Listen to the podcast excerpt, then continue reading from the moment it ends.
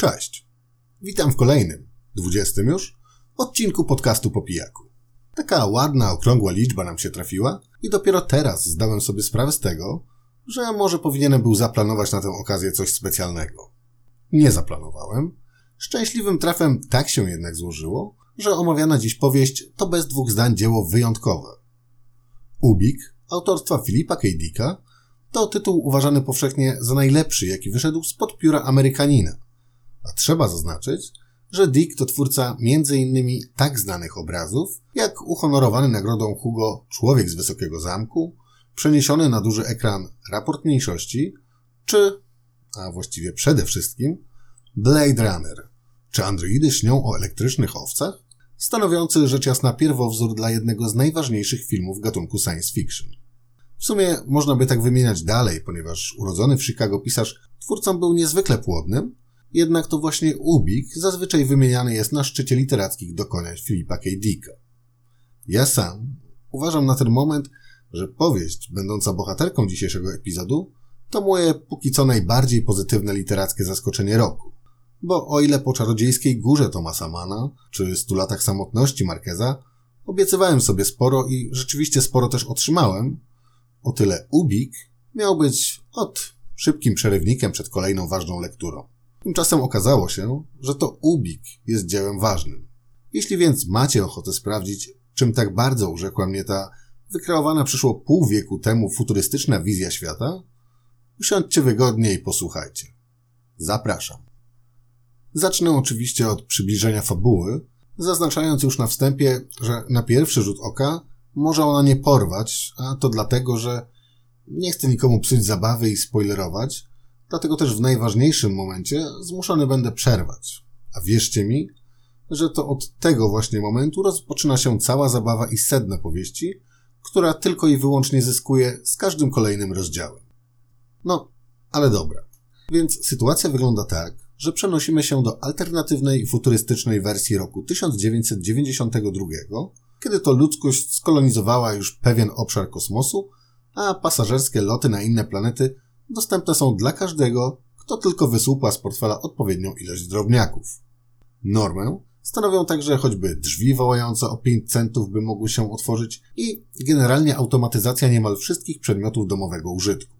Inaczej rozwiązywana jest też na przykład kwestia śmierci, bowiem w powieściowym świecie każdy zmarły, który wystarczająco szybko zostanie, że tak powiem, odpowiednio zakonserwowany, może przez pewien czas przebywać w stanie tak zwanego półżycia, umożliwiającym bliskim telepatyczny kontakt z osobą fizycznie martwą.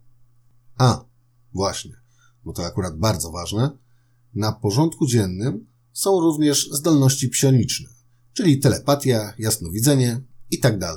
Mało tego, całkiem nieźle prosperują firmy oferujące tego typu usługi, czyli chociażby czytanie w myślach celem np. zdobycia konkretnych informacji biznesowych. Ba, istnieją także firmy sprzedające coś dokładnie odwrotnego, czyli zatrudniające osoby ze zdolnościami neutralizującymi umiejętności telepatów czy jasnowidzów. I właśnie w tego typu korporacji pracuje główny bohater powieści Joe Chip, który to odpowiedzialny jest za proces rekrutacji i zatrudniania nowych inercjałów, bo tak nazywane są tu osoby posiadające wspomniane już zdolności.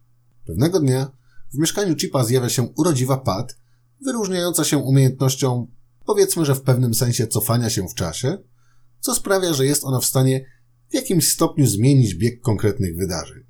Chwilę później firma Joe'ego otrzymuje intratne zlecenie, którego realizacja odbyć ma się na jednym z księżyców. Tak więc nasz bohater, młodziutka Pat oraz dziesięcioro innych osób wyrusza na niezwykle opłacalną misję. Jednak na miejscu okazuje się, że owo zlecenie to tak naprawdę zastawiona przez konkurencję pułapka. No i tu pojawia się problem, ponieważ każde kolejne zdanie dotyczące fabuły byłoby już spoilerem, a na dobrą sprawę dopiero od tego momentu rozpoczyna się właściwa akcja Ubika i cały fan z odkrywania tej historii. Jak więc przekonać do sięgnięcia po książkę, skoro nie można zdradzić, o czym ona tak właściwie opowiada? Będzie ciężko, ale zdaje mi się, że to najlepszy czas, by zatrzymać się na chwilę przy osobie samego Filipa K. Dicka jego nietuzinkowej postawie, która rzuci być może nieco światła na to, czego można się spodziewać po najważniejszej powieści autora. Philip Kindred Dick urodził się w roku 1928, zmarł zaś w 1982. Jednak nie te konkretne daty są w jego przypadku najważniejsze, a to jakim był człowiekiem i w co wierzył.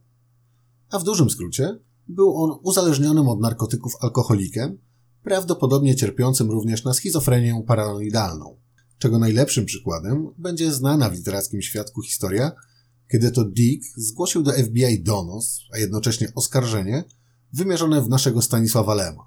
Autor Blade Runnera twierdził, że nie istnieje taka osoba jak Stanisław Lem, a jest to jedynie tajny projekt KGB oraz komunistów.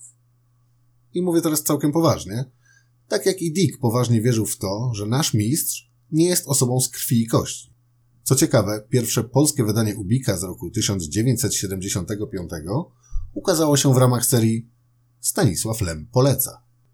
W związku z uzależnieniami i prawdopodobną, choć niezdiagnozowaną chorobą, w twórczości Amerykanina wiodącymi tematami są próby odpowiedzi na pytania dotyczące sensu człowieczeństwa, roli czy w ogóle wiarygodności istnienia Boga oraz realność świata, w którym żyjemy. Całość zaś zazwyczaj zatopiona jest w psychodelicznej i pokrętnej fabule. Zresztą światopogląd pisarza możecie poznać po wpisaniu w YouTube'ową wyszukiwarkę hasła Dick Metz, bo właśnie w tej francuskiej miejscowości w roku 1977 Philip Kay wygłosił godzinne przemówienie, podczas którego przekonywał słuchaczy innymi o tym, że nasza rzeczywistość nie jest prawdziwa, a wszyscy żyjemy jedynie w komputerowej symulacji. Jak więc chyba widać, pisarza nazywanego m.in. Dostojewskim science fiction czy amerykańskim Borgesem, śmiało nazwać można postacią tyleż barwną, co i tragiczną. Nie sposób jednak odmówić mu talentu, a co za tym idzie, ogromnego wpływu, jaki jego twórczość wywarła na szeroko pojętej kulturze. Rozważania dotyczące czasu, przestrzeni, człowieczeństwa czy wiary do dziś stanowią źródło poważnych debat teologicznych, rozpalając przy okazji wyobraźnię czytelników. I wszystko to znajdziemy w chwalonym dziś przeze mnie Ubiku, powieści, która początkowo może nawet nieco odpychać tymi wszystkimi dziwnymi słowami czy samym światem, w którym sprzedawane są chociażby usługi z zakresu telepatii, jednak wierzcie mi na słowo, że im dalej w las, tym bardziej chce się w tej historii trwać i poznawać odpowiedzi na często niezadane nawet wprost pytania. Jedyne oczywiste pytanie, które nurtuje chyba każdego czytelnika od początku lektury, brzmi: czym lub kim jest tytułowy ubik? Odpowiedzi rzecz jasna nie zdradzę, jednak być może do poszukania jej zachęci Was kilka fragmentów, które za chwilę przeczytam. Mianowicie każdy z 17 rozdziałów książki rozpoczyna się specyficzną wstawką, która ma na celu. No właśnie. Co? Podam trzy losowe przykłady i bez obaw. Spokojnie możecie tego wysłuchać bez znajomości lektury. A leci to między innymi tak. Rozdział drugi. Najlepiej zamawiać piwo mówiąc ubik. Ważone na doborowym chmielu i wysokiej jakości wodzie, dojrzewające powoli celem osiągnięcia idealnego smaku piwo ubik, jest w tym kraju piwem numer jeden. Produkowane tylko w Cleveland. Rozdział siódmy. Odśwież zmatowiałe powierzchnie sprzętów i urządzeń kuchennych nowym, cudownym preparatem Ubik, łatwą w użyciu, dającą wysoki połysk warstwą plastikowego tworzywa. Ubik jest zupełnie nieszkodliwy, jeśli stosuje się go zgodnie z instrukcją. Uwalnia od nieustannego szorowania, dzięki niemu nie tkwisz wciąż w kuchni. Rozdział 12. Włóż do tostera smakowity ubik, sporządzony wyłącznie ze świeżych owoców i życiodajnego ekstraktu z jarzyn. Ubik zamienia śniadanie w ucztę, ożywia twój poranek. Bezpieczny, jeśli używać go zgodnie z instrukcją. No i cóż, na dziś to tyle ode mnie. Gorąco zachęcam do zapoznania się z Ubikiem, czyli książką, którą świetnie się czyta, która zmusza do myślenia i zapewnia jedyny w swoim rodzaju futurystyczny odjazd. Tymczasem dziękuję za wysłuchanie i do usłyszenia w kolejnych odcinkach podcastu po pijaku. Cześć!